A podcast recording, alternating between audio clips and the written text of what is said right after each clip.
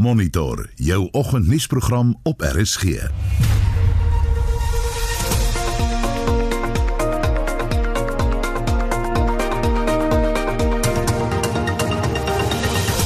ons program op Jeugdag president Cyril Ramaphosa sê die jeug moet bemagtig word om Suid-Afrika se ekonomiese herstel te lei.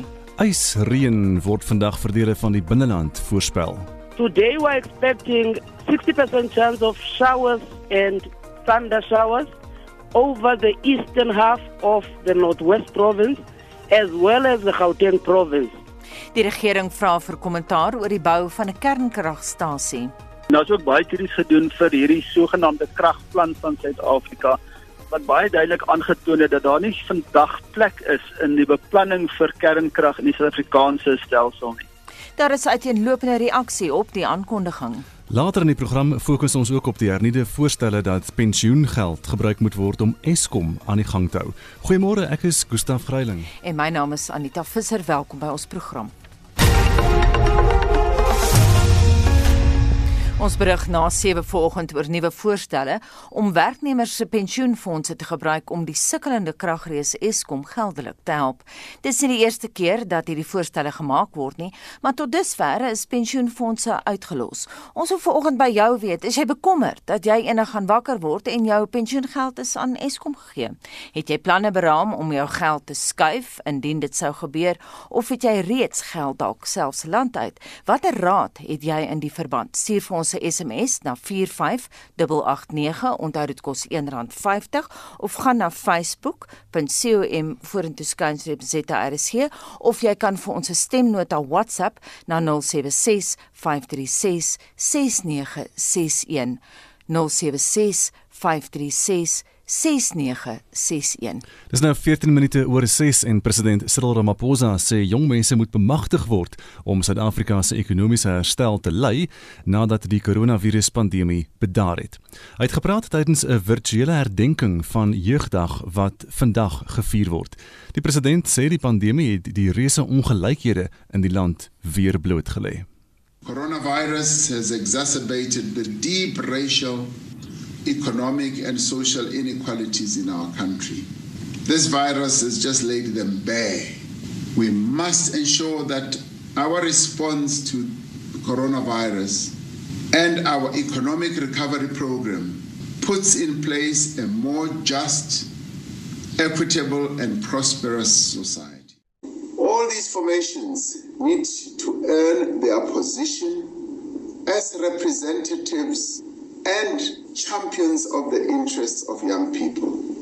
They do need to demonstrate the militancy of those who form the ANC Youth League, the selflessness of those who joined the ranks of MK in the early 60s.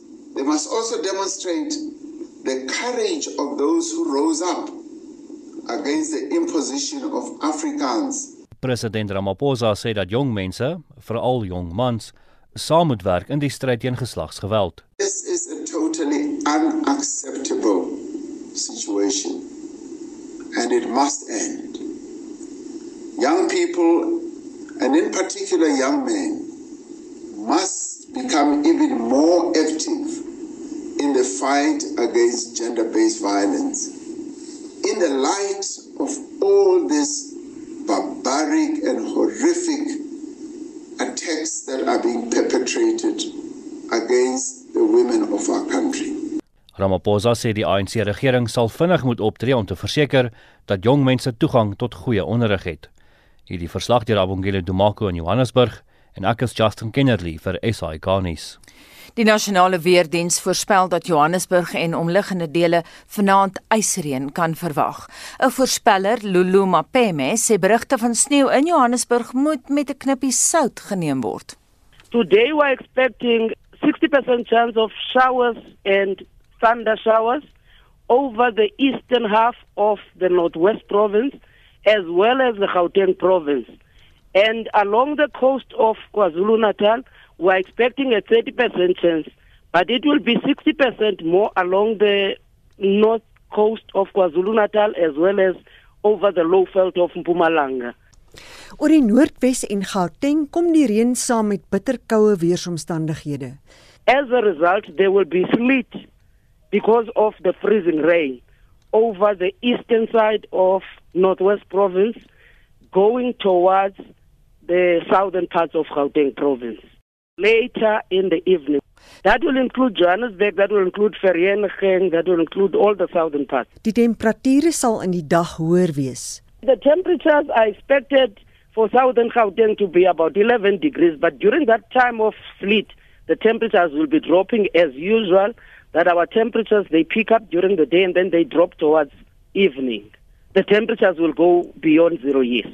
Lulama Pemi van die Nasionale Weerkantoor, Mitsi van der Merwe, SAK nuus.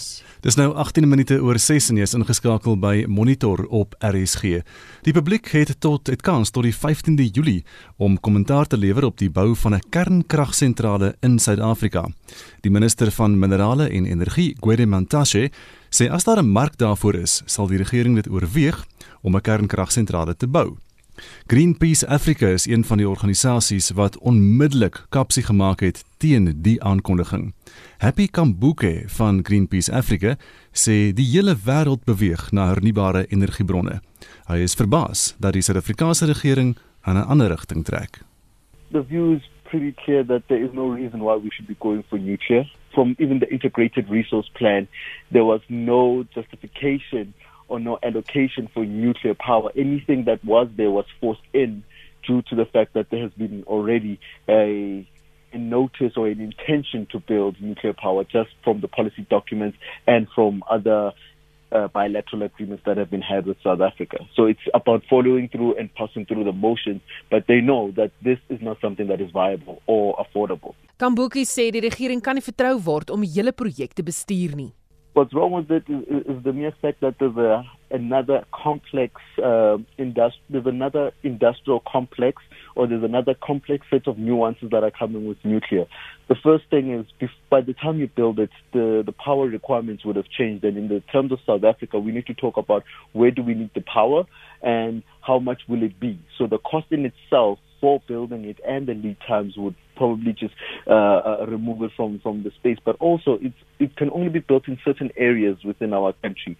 And with the place where they are looking at, which is Dainfern, the, the kilometer radius just for being able to be safe would then have to be increased. That means demolishing people's houses that are already around the Dainfern area because even right now, as we speak with with with Kuwait, it's quite close to that kilometer radius En ons bly by die tema die Suider-Afrikaanse Geloofsgemeenskap se Omgewingsinstituut sê intussen 'n maand is te min tyd vir die publiek om kommentaar te lewer op die bou van so 'n kragstasie. Mitsi van der Merwe doen verslag. Die uitvoerende hoof van die Suid-Afrikaanse Geloofsgemeenskap se Omgewingsinstituut SAFKY, Francesca de Casparis, sê hulle het onlangs met die minister van Minerale Bronne en Energie, Gwede Mantashe, oor die saak geskakel. The timing is very interesting for us because we had sent a letter to Minister Gwede Mantasha, who is responsible for energy, last weekend, cautioning him that he needed to be aware that no nuclear program can go ahead unless proper procurement procedures are adhered to. Die omgewingsgroepe Earthlife en Safkey het in 2017 reeds die departement hof toe gesleep na die departement nie die regte prosedures gevolg het nie. And the reason that we sent that letter is because in 2017 we had two court rulings against the government and the then Minister of Energy first of all, declaring that the previous nuclear energy deals were illegal and unconstitutional. And secondly, we had a commitment under oath by then Energy Minister David Mahlobo that he would honor those judgments and that he would not do a new energy determination without going through the proper due process. De Kasparis sê Openbare deelname is een van die belangrikste punte van die protokol wat gevolg moet word wanneer die regering sy planne bekend maak en aan die gemeenskappe voorlê. And we've seen none of that with this new request. In fact, it's come out at a very interesting time. If you look at the state of the country, we're under a severe COVID pandemic. We are facing a reduction in our energy needs and many, many citizens in South Africa cannot afford electricity at its current prices. Nuclear energy will take at least 10 years to come on board. We have no solution for nuclear waste globally. It's an incredibly costly form of energy, and they often don't count all the actual costs. Vir haar is die tydsberekening van die regering se publikasie tydens die COVID-19 pandemie onvanpas. Very interesting timing that the government, the weekend after we sent the letter in, has issued this call, and that the Minister of Energy is so interested in nuclear energy while at the same time seems to be dragging his heels around procurement of renewable energy. Now, renewable energy, as we all know, is reducing in cost every year. It's a very quick and easy way to get localized energy access. So the communities who are really suffering right now could, even in this winter, have access via renewable energies. Francesca de Casparis is die uitvoerende hoof van Safgay. Mitsi van der Merwe SAK nuus. Dis nou 23 minute oor 6 en ons bly by die tema van eh, kernkrag. Intussen het die Tuispunt Kernkrag Ontwikkelingsforum geargumenteer dat daar wel plek is vir kernkrag in die Suid-Afrikaanse konteks. Die voorsitter van die forum, Pumzile Olifant, sê dit is reg dat die regering nou navorsing oor die kwessie doen. We need to stand up and commend efforts by our government, especially when we were confronted with the ESCOM problem in terms of it falling short to distribute or to generate enough electricity or power for our people and the industrial components or aspects of the country. The nuclear itself I find it very strange that many people are actually against, or not mm. many, in fact, a handful of organizations are actually against the development of the nuclear plant. For instance, you will recall, in fact, initially it was 9.6 megawatts, and now it has drastically dropped, and I mm. believe it will be done in phases, 0.5 gigawatts. And, you know, the very same people who are against, when there's not enough or sufficient power generated, they cry. And the IPPs, we must be open, the IPPs currently uh, selling power, in fact, to ESCOM, but it's not sufficient. For instance, in Kocha itself, we've got more than about four. The other one is under construction as we speak. Dit was die Tuispunt Kernkragontwikkelingsforum se voorsitter, Boemzile Olifant. Steeds by die onderwerp die dekaan van die departement ingenieurswese aan die Universiteit Stellenbosch, professor Wikus van Niekerk, sê dat die minister van minerale en energiebronne, uh Gwedi Mantashe, tans op die verkeerde kwessies fokus wat betref kragvoorsiening jy weet daar's al baie studies doen en daar's ook baie studies gedoen vir hierdie sogenaamde kragplan van Suid-Afrika wat baie duidelik aangetoon het dat daar nie vandag plek is in die beplanning vir kernkrag in die Suid-Afrikaanse stelsel nie. Ehm um, ons het soveel hernubare energie hulpbronne, son en wind en dit gerigsteen met um, gaskragstasies is meer as genoeg en goedkoper as enige kernkragstasie wat ons kan bou. Dit is vir my baie interessant dat die minister besluit het om hierdie proses af te skop, maar dit is ook nie amptelik deel, kernkrag is ook nie deel van die kragplan van nou tot en met 2030 nie. Dink jy daar gaan ooit plek wees? Ek die groot probleem met kernkrag um, in die wêreld is dat die dat die dit vat baie lank om hierdie kragstasies te bou en hulle is gewoonlik duurder as wat hulle beplan is en en dit dit maak hulle baie baie problematies. Ek meen hulle bou nou in Engeland probeer hulle nou weer een bou en hulle het al klaar weer in dieselfde probleme vasgeloop dat die die prys gaan net op en die tydskale word net uitgeskuif. En ehm um, terselfdertyd is die hele wêreld is ons besig om oor te beweeg na son en windkrag toe omdat die pryse, die kostes daarvan het so geweldig afgekom. Met ander woorde vir ons om nou weer vasgevang te word in hierdie kernkrag debat dink ek regtig is onnodig. En soos ek sê, die kragplan maak geen voorsiening vir enige kernkragsentrale in die volgende 10 jaar nie. Maar hoekom sal die regering aanhou vaskop en sê ons wil en ons gaan kyk hierna?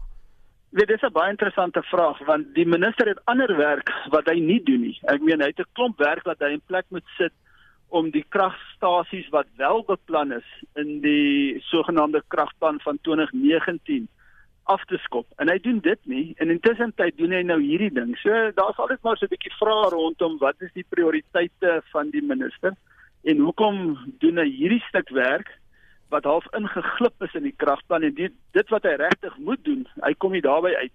So as maar net 'n bietjie vra daar rondom. Dink jy daar's ook histories 'n uh, negatiewe politieke konnotasie aan kernkragsentrale veral omdat dit verband hou met Zuma staatskaping, die russe? Ja, dalk met daar's verseker 'n donker wolk wat oor die algemeen oor kernkrag in Suid-Afrika hang oor die laaste 10 10 12 jaar en ehm um, en daarom die oomblik as enige iemand in die regering iets in terme van kernkrag sê of iets doen dan sal almal altyd opstaan en sê maar weet maar wat is regtig regtig hier aan die gang. Kyk wat hulle op die oomblik ook doen is hulle hulle hulle hulle vra maar net vir voorstelle. En voorstelle is maar net voorstelle en dan die voorstelle gaan nou wys jy weet van wat dit sou kos. En dit kan dalk wees dat hulle direk daarna besluit maar dit is te duur. En soos wat hulle eie analises vir hulle getoon het en dan maar net wegstap daarvan. So ons bou nog nie 'n kernkragsentrale nie. Ons vra maar nog net vir voorstelle om dalk 'n kernkragsentrale te bou. En so sê die dekaan van die departement ingenieurswese aan die Universiteit Stellenbosch professor Wikus van Niekerk.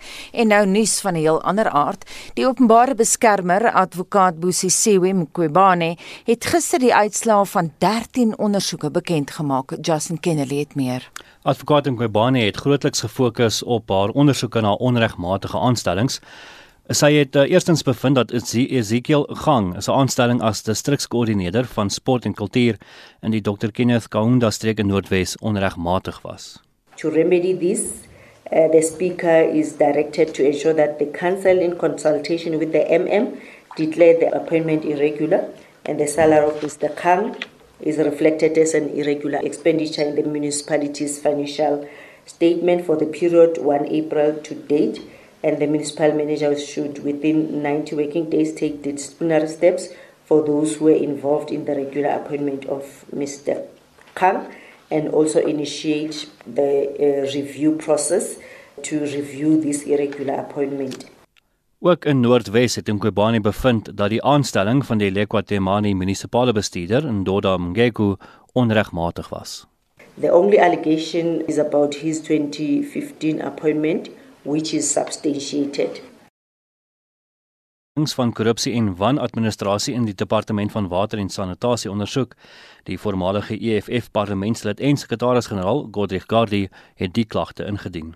I found that the allegation that the department irregularly procured the sub licenses for itself and on behalf of the water boards is substantiated. I also found that the conduct of officials, Mr. Mkize and Mr. Mate, amounts to maladministration and improper conduct, while the expenditure incurred as a result of the irregular expenditure was irregular, fruitless, and wasteful. Die SAIK het ook deurgeloop. In the main, the complaint alleged that SABC appointed Ms. to be seen to the position permanently in April 2016 without following and adhering to the recruitment procedures and prescripts that were applicable at the time. So they alleged that she was preferred ahead of other candidates who were suitably qualified and experienced. I found that these allegations are substantiated. Die openbare beskermer advokaat Busisiwe Mqobane. Jy luister na Monitor elke weekoggend tussen 6 en 8. Pas half 7 en in die nuus die instituut vir rasseverhoudinge loop deur onder kritiek weens sy jongste veldtog. Die ATKV is in 'n finansiële pinari weens sy oorde wat gesluit is. En die Vodacom Bulls het bevestig dat die Kriel rugbybroers vanaf November albei vir die span sal uitdraf. Bly ingeskakel. Vincent, hoe lyk ons terugvoer? Anita, daar's baie mense wat bekommerd is oor hulle pensioengeld. Randy Jan sê, ehm um, dit kan 'n droom wees van die ANC om my pensioengeld te gebruik vir eksdom, maar maar dit sal vir my 'n nagmerrie wees, sê Randy. Dan sê hy net van Niekerk Milan, vra liewer of al die privaat maatskappye gereed is vir 'n groot uittog van staf wat liewer hulle pensioengeld gaan vat, sê hy net. En dan toe 'n lucky een van François Peteron wat sê dit moet as 'n misdaad teen gewone mense verklaar word die biljoene wat deur die staatskaping eenvoudig gesteel was en nog geen skuldbevinding ehm um, gaan ook my verstand te bowe. Slegs die rykes, nie gewone middelklas kan egter so maklik geld rondskuif nie. As pensioengeld in byvoorbeeld staatseffekte belê word en opbrengs gewaarborg word, kan verliese sekerlik beperk word. Daar moet groot pensioenfonde bloot in die geldmark sonder risiko belê word al is die opbrengs relatief baie laer as op die aandelemarkte. Nou Jack Pinaar lyk my was baie slim geweest en sê wat ek kon skuif, die het ek en Jan Volien sê ook ek het ook alreeds en Connie Breed sê my geldjie is is ANC proof gemaak sê Connie Breed. en dit was een van Rena Brown wat sê wie glo steeds dat hul pensioengeld veilig is? ANC het reeds gebruik en diegene wat glo dit steeds veilig is, is baie naïef sê hulle. Nou as wil by ons luisteraars weet vandag, ehm um, is jy bekommerd dat jy eendag gaan wakker word en jou pensioengeld is net weg of aan Eskom gegee? Het jy al beplanne beraam om jou geld te skuif indien dit ooit gebeur of het jy reeds al jou geld geskuif?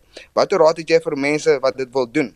Laat ons weet, stuur vir ons 'n SMS 45889. 'n SMS kos R1.50 of jy kan saamgesels op ons Facebookblad Jy vind ons by facebook.com vorentoe skynstreep ZARSG en asseblief stuur jy daardie stemnotas van so 30 sekondes. Die nommer is 076 536 6961. Dis 26 minute voor 7 en Shaun Jooste hierdie dag se sportnuus. Kom ons val weg met 'n paar rangliste en puntelere. Die eerste PGA toernooi sedert middel Maart is oor die naweek gespeel met die wêreldgolfranglys wat ook weer voortgesit word. Rory McIlroy van Noord-Ierland en die Spanjaard Jon Ram bly eerste en tweede, met Amerikaner Justin Thomas wat met een plek van 4de na 3de klim.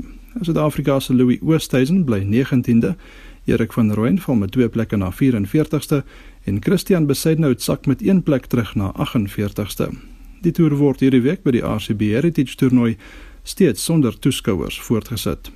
Rugby Die eerste ronde van Nieu-Seeland se plaaslike Super Rugby kompetisie is ook oor die naweek afgehandel. Die Blues en Islanders staan beide op 4 punte na die ronde met die Chiefs op 1 punt. Die Crusaders moet nog 'n wedstryd speel en die Hurricanes het ook geen punte nie. Sokker. Met nog 3 rondes oor in die Duitse Bundesliga staan Bayern München nou op 73 punte. Borussia Dortmund het 66, RB Leipzig 62 en Bayer Leverkusen 57. Die Spaanse La Liga is ook weer aan die gang. Barcelona is die voorlopers op 61 punte, Real Madrid is tweede op 59, Sevilla derde op 51 en Real Sociedad vierde op 47 punte. Die Engelse Premier Liga word môre aand met twee kragmetings hervat. Dit is Manchester City teen Arsenal en Aston Villa teen Sheffield United. Liverpool is gemaklik voor op 82 punte. Man City het 57, Leicester City 53 en Chelsea 48 punte. In die Serie A seisoen word ook weer van Saterdag af hervat. Juventus het 63 punte agter hulle naam met Lazio kort op 'n lak op 62. Inter Milan is derde op 54 punte en Atalanta vierde op 48 punte. En laastens in tennisnuus. Die ITS of Ultimate Tennis Showdown reeks het oor die naweek in Frankryk begin. 50 wedstryde word oor 5 naweke gespeel en die top 6 spelers dring deur na die uitspeelfase. Na die eerste naweek se aksie is die Italianer Matteo Berrettini die voorloper op 2 punte, die Aussie Alexei Papron net ook 2 en die Griek Stefanos Tsitsipas en Spanjaard Feliciano Lopez 1 punt elk. Shaun Schuster, SAK Sport. En ons bly by sportnuus. Die Vodacom Bulls het bevestig dat die Kriel Rugby broers vanaf November albei vir die span sal uitdraf. David Kriel, wat tot dusver in die Stormers se kamp was, sluit dan by sy broer Richard aan. Hulle pa Gerard is 'n bekende Bloemfontein se sakeman en hy is nogal verlig dat hy nie in die toekoms meer vir twee spanne hoef te skree nie. David en Richard se liefde vir rugby het baie baie klein begin. Ons het vir hulle klein rugbyballetjies gekoop en ek het 'n punt daarvan gemaak om vir hulle van kleins af die basiese vaardighede te leer.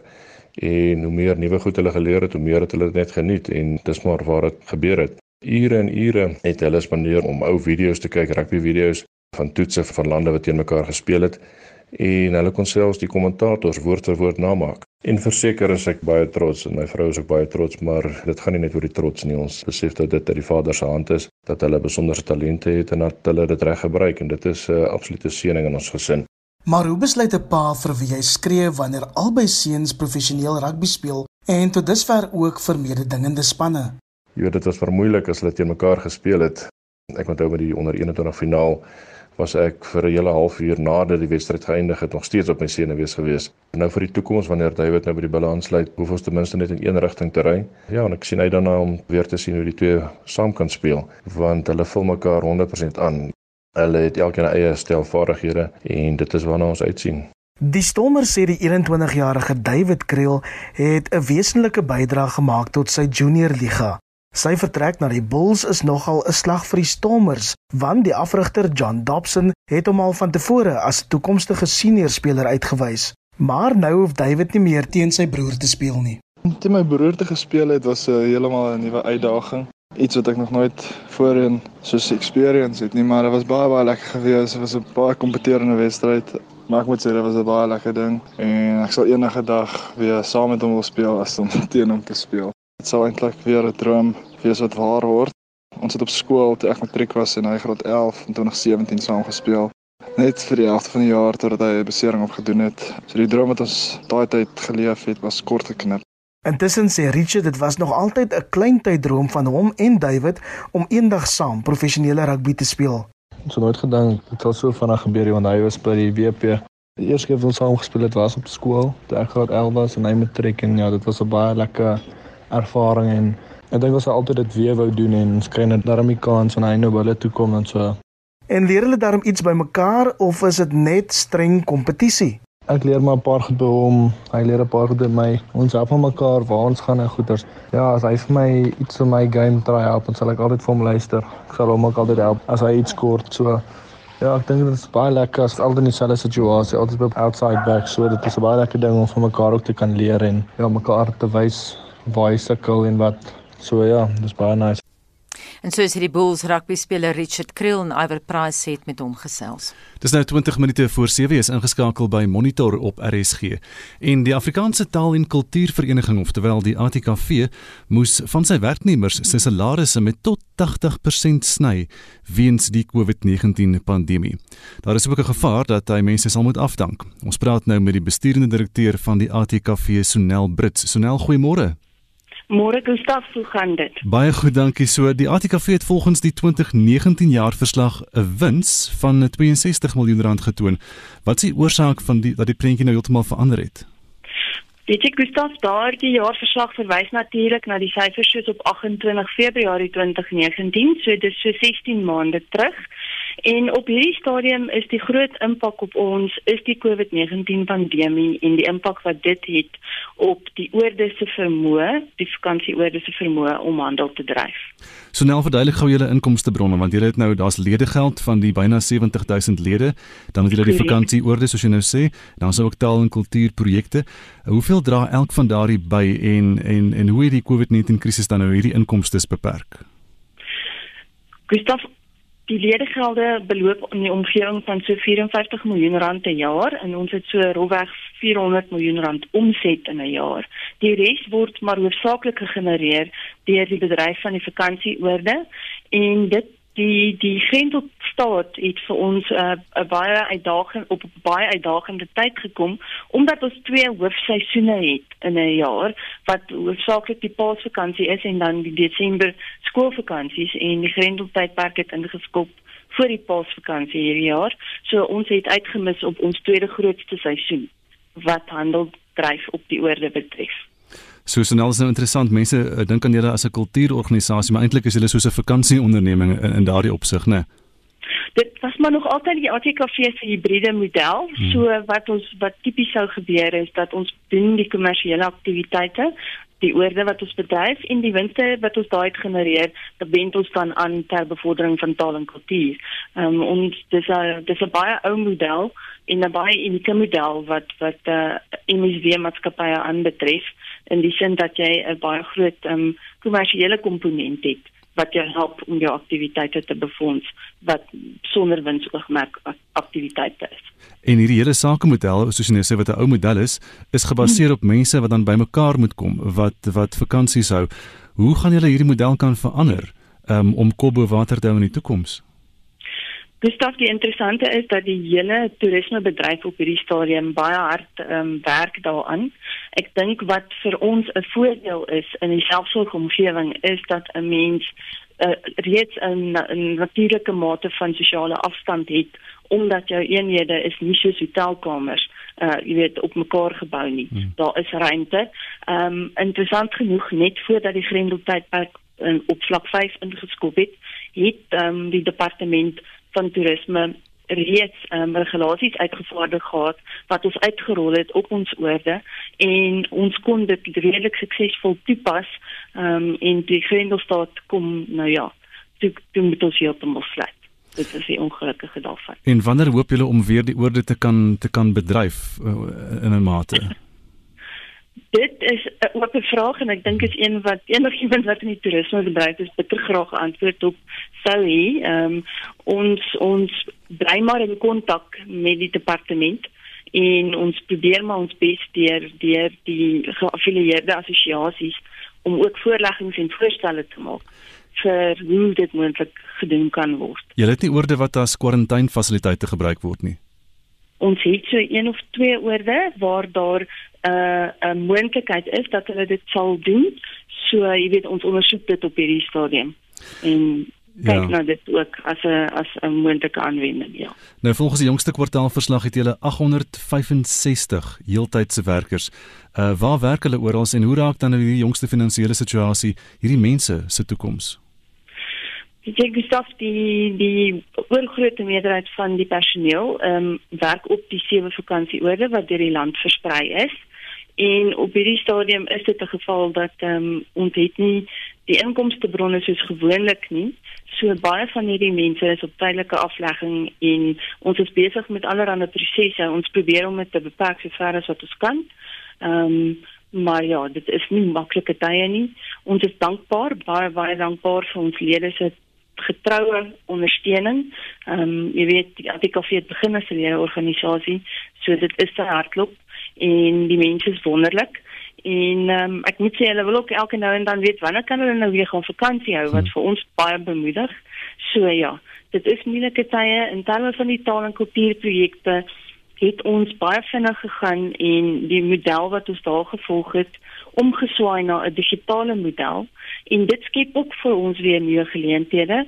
Ehm um, ons het selfs nou inskrywings van kinders wat in Australië sit wat aan projekte wil deelneem. So dis ook wonderlik om te sien dat um, in moeilike tye kan 'n mens nog steeds innoveer en kan jy goed uitrol in dit werk en dis baie bemoedigend.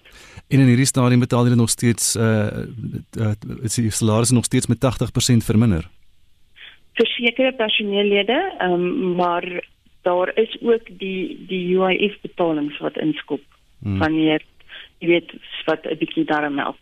Ehm um, ja. Ja, Sonel baie dankie en sterkte daar. Sonel Brits is die besturende direkteur van die Afrikaanse Taal en Kultuurvereniging. Die redakteur van City Press, Mondli Makanya, het die afgelope week in die koerant geskryf dat die Instituut vir Rasseverhoudinge se veldtog The World Must Know se doel sabotasie is. Dit volg nadat die, instituut in 'n mediaverklaring gesê het die veldtog se doel is om die grootste skenkernasies en die internasionale monetêre fonds in te lig oor die afbreekende beleid wat die ANC regering volg. En ons praat nou met die hoof van beleid by die instituut Herman Pretorius. Goeiemôre Herman. Goeiemôre Anita. Eerstens jou reaksie op Monli se kritiek. Uh, ek dink dit is ongegrond as ons van praat oor sabotasie dan is dit nou juist die teenoorgestelde wat die ERR besig om te vermag. Uh ons wil juist vir die uh, vir die een ekskenkerlande duidelik maak waar die sabotasie werklik is in terme van Suid-Afrika se die moontlike potensiaal om ekonomies suksesvol te wees. En sabotasie is 'n slegte beleid, nie 'n ERR se bekendmaking van 'n slegte beleid. Herman net vir die wat nie weet nie wat behels julle veldtog oorhoofs? Ons um, het dit is 'n veldtog wat oor die volgende paar weke gaan duur waar ons met die skenkernasies, die top 20 skenkernasies van die internasionale monetêre fonds in gesprek tree. Ons het al reeds positiewe terugvoer vanuit die diplomatieke sektor ontvang. Lande soos Amerika, Duitsland, Australië, Japan met wie ons net in gesprek wil tree en duidelik maak dat as die IMF ehm um, geld gaan gee vir Suid-Afrika onder 'n uh, uh, een of ander uh, leningsooreenkoms, wil ons net seker maak dat hierdie lande en die EMF bewus is van die duidelike beleidsgevare dat daar die regte voorwaardes gekoppel moet word aan hierdie ondersteuning om seker te maak dat Suid-Afrika werklik baat kan vind en voordeel kan trek uit die EMF se hulp. Herman, ek neem aan dat jy voeg uh, heeltyd nog nuwe onderwerpe by by hierdie veld tog daar's nou iets uh, vanoggend praat ons na 7 hieroor. Dis die feit dat daar weer sprake is dat die regering pensioenfonde gaan gebruik. Dis nou om Eskom te red. Is jy baie bekommerd daaroor? Vreeslik. Ons het omtrent 'n jaar gelede toe ons begin praat van die gevaar van voorgeskrewe bates en die uitbreiding van regulasie 28 om vir mense voor te skryf waar hulle hulle beleggings en en en, en spaarfondse moet plaas. Het mense gesê nie ons is net besig met bangmaakpraatjies en nou sien ons die realiteite daarvan en wat mense moet besef is hierdie gebruik van pensioenfonde is maar net die onteiening uh van bates sonder vergoeding. Dit is maar net 'n ander uitvloeisel daaruit. Maar as mens kyk na mislukte beleide so swart ekonomiese bemagtiging wat nie swart mense bemagtig het nie, maar wat 'n paar uh, in elites in die politieke kringe bemagtig het, die nasionale gesondheidsversekering uh en dan natuurlik uh eiendomsregte deur grondonteiening en voorgeskrewe bates. Hierdie is 'n konkoksie van absoluut giftige beleid wat die ENF en die skenkerlande duidelik bewus van moet wees sodat hulle kan verstaan wat het fout gegaan, hoekom is Suid-Afrika in hierdie gat en hoe gaan ons uit hierdie gat uitkom want dit gaan waaragtig nie gebeur deur net voort te gaan met hierdie destruktiewe beleide nie.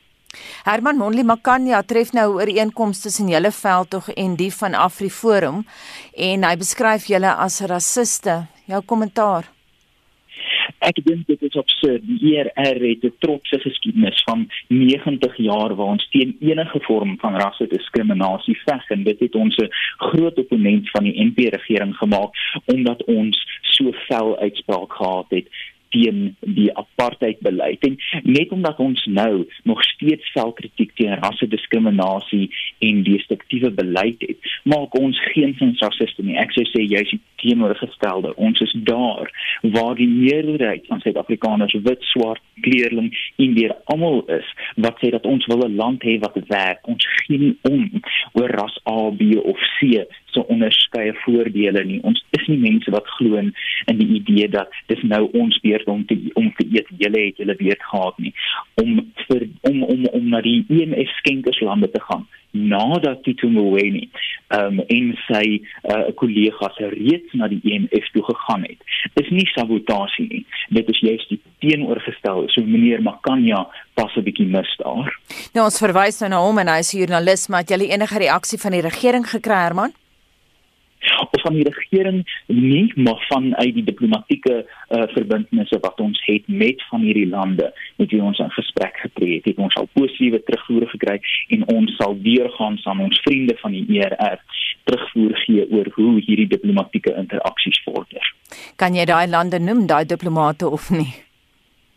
Ek ek sal verkies om dit nie te doen nie. Ons ons gaan in die volgende fase van die veldtog sal ons daaroor kan uitbrei.